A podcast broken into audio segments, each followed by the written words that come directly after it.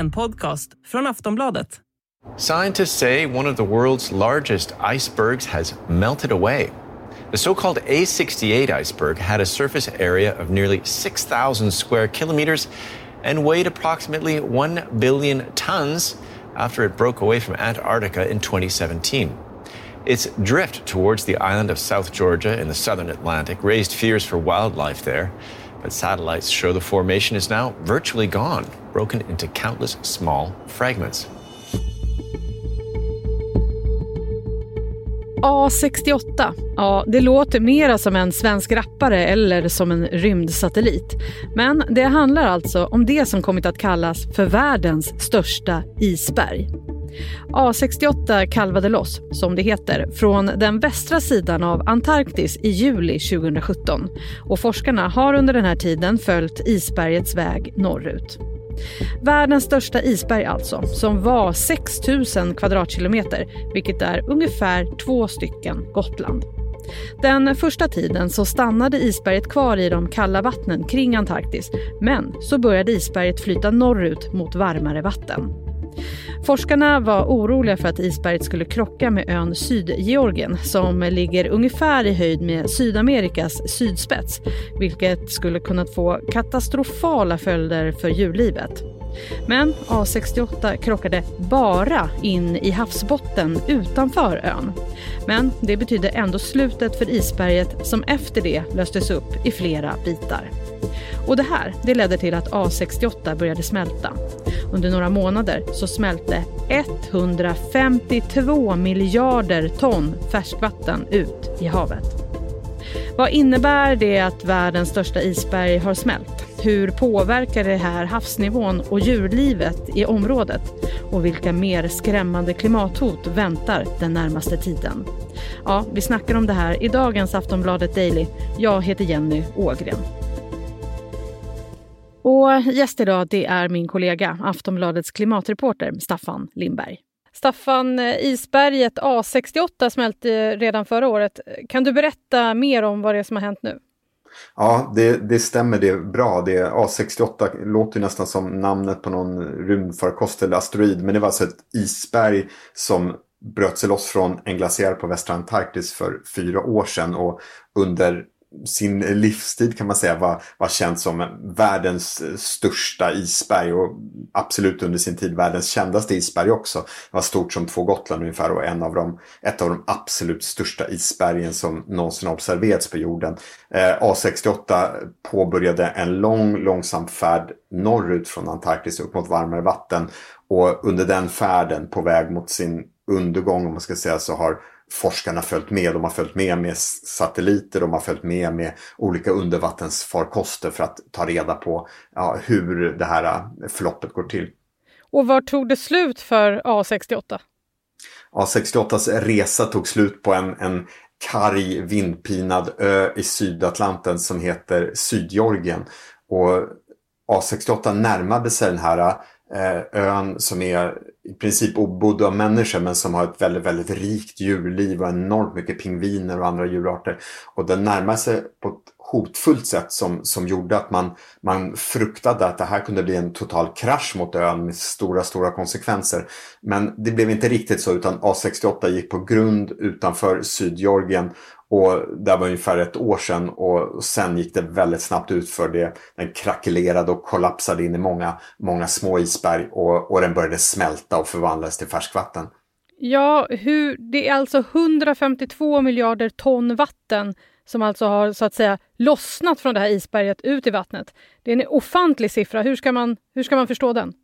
Ja, det, det, går nästan inte att förstå men om man, om man håller huvudet kallt och tar upp en miniräknare och håller koll på sina nollor eh, så kan man räkna ut att det här alltså motsvarar eh, för varje människa på jorden, om man ger varje människa på jorden 100 fyllda badkar med vatten Eh, och tänker sig 100 fyllda badkar för varje människa på jorden och lägger ihop hela den mängden vatten ja, då får man motsvarande mängden vatten som har läckt ut från, från det här isberget. Så att det är otroliga mängder verkligen. Ja, vad är det för konsekvenser det här får nu med att isberget har smält?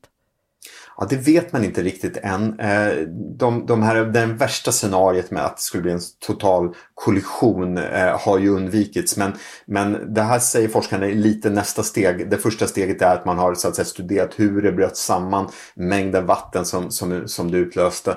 Eh, och nu så måste man studera vad exakt de här följderna har blivit för djurlivet, för fågellivet, pingvinerna, eh, framförallt runt, runt Sydgeorgien. Så, så det är liksom, man kan se det här som ett lokalt problem, liksom ett, ett problem vad som händer när sådana här enorma isberg som sannolikt kommer att bli ännu större med klimatförändringar, vad som händer när de smälter, krackelerar och hur det påverkar djurlivet. Sen finns det såklart den större frågan också som är vad händer när mer och mer is smälter och hur, hur mycket havsnivåhöjning kommer vi få? Och det är så att säga den globala eh, liksom perspektivet på den frågan. Mm, och vad säger forskarna nu då som har följt det här? Vad säger de om allt som hänt? De, de som sagt eh, de konstaterar att det är liksom ett enormt tillskott av vatten i ett ganska begränsat område.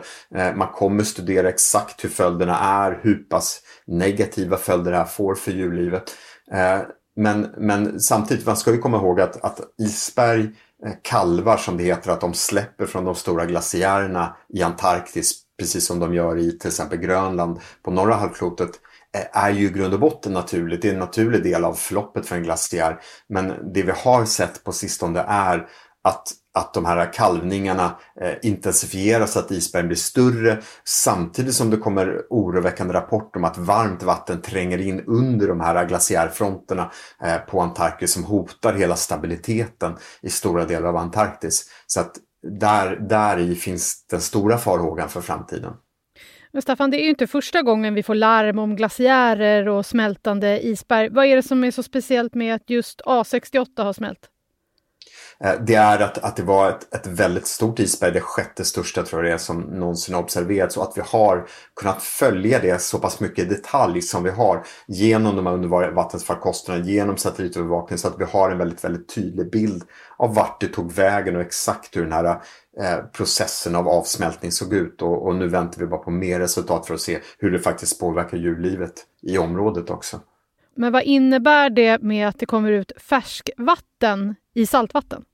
Ja, det, kan ju, det kan ju påverka till exempel viktiga vattenströmmar som i sin tur påverkar djurlivet i havet, plankton, eh, fiskarnas vandringsleder och, och fiskarna naturligtvis då som, som fågellivet är beroende av. Så, så det kan få stora följder för ekosystemet. Igen ska man, ska man poängtera att, att jag menar, det här är någonting vi är vana med. Isberg som driver norrut från Antarktis eller söderut från Arktis. Eh, men eh, i takt med att klimatförändringar blir mer och mer tydliga så, så finns det stora farhågor för att vi kommer få se mer och mer is som beter sig på det här sättet, som bryts loss, som tränger norrut. Och i värsta fall eh, så kan vi få se väsentligt mer is eh, om någon av de här stora glaciärerna som ibland kallas för domedagsglaciärer på Antarktis kommer att kollapsa. Då kan det helt plötsligt bli det här isberget A68 gånger många, många, många, många fler A68 som driver norrut. Ja, för det var det jag precis ville fråga dig. Vilka andra oroväckande rapporter har kommit den senaste tiden?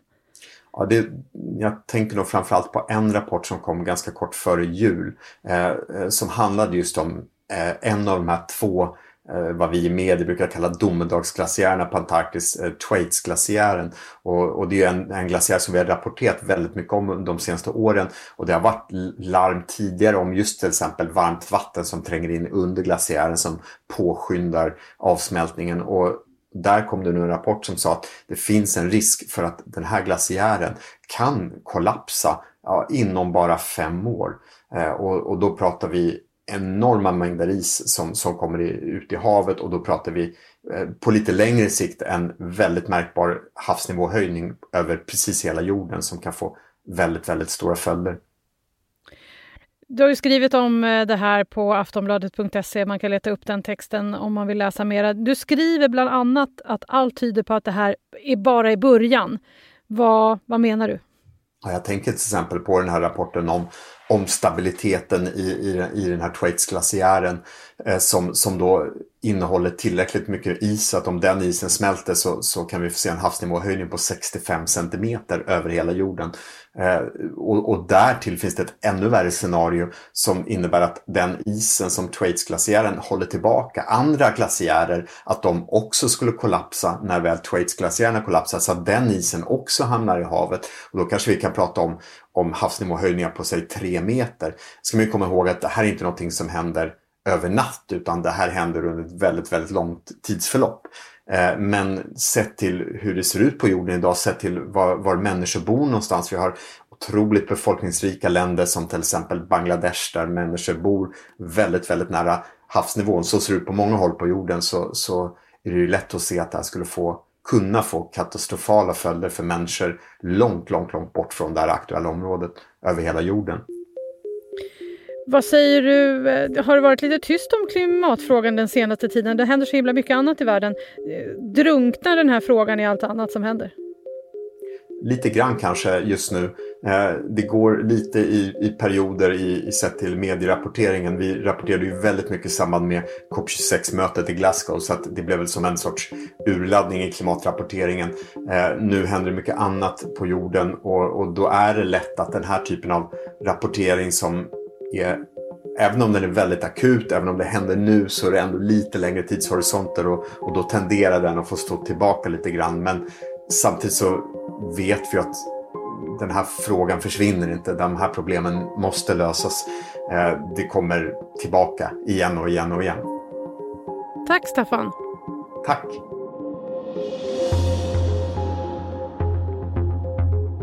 Det berättade Staffan Lindberg, klimatreporter på Aftonbladet. Jag heter Jenny Ågren och du har lyssnat på Aftonbladet Daily. Vi hörs snart igen. Hej då. Du har lyssnat på en podcast från Aftonbladet. Ansvarig utgivare är Lena K Samuelsson.